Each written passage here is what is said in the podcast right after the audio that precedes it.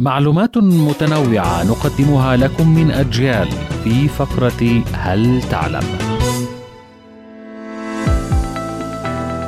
يعتبر نهر الفولجا هو الرابع عشر بين أطول أنهار العالم ويصنف من بين الأنهار الكبرى وهو أطول نهر في أوروبا وقد أطلق السكان الأصليين منذ القدم نهر الفولجا الروسي وتعني عندهم نهر المشرق والممر المائي الرئيس في القارة والمهد التاريخي للدولة الروسية ويحتوي على ما يقرب من نصف سكان الجمهورية الروسية ويقع النهر في الجزء الغربي الأوروبي من دولة روسيا ويصل طوله إلى 3690 كيلومترا.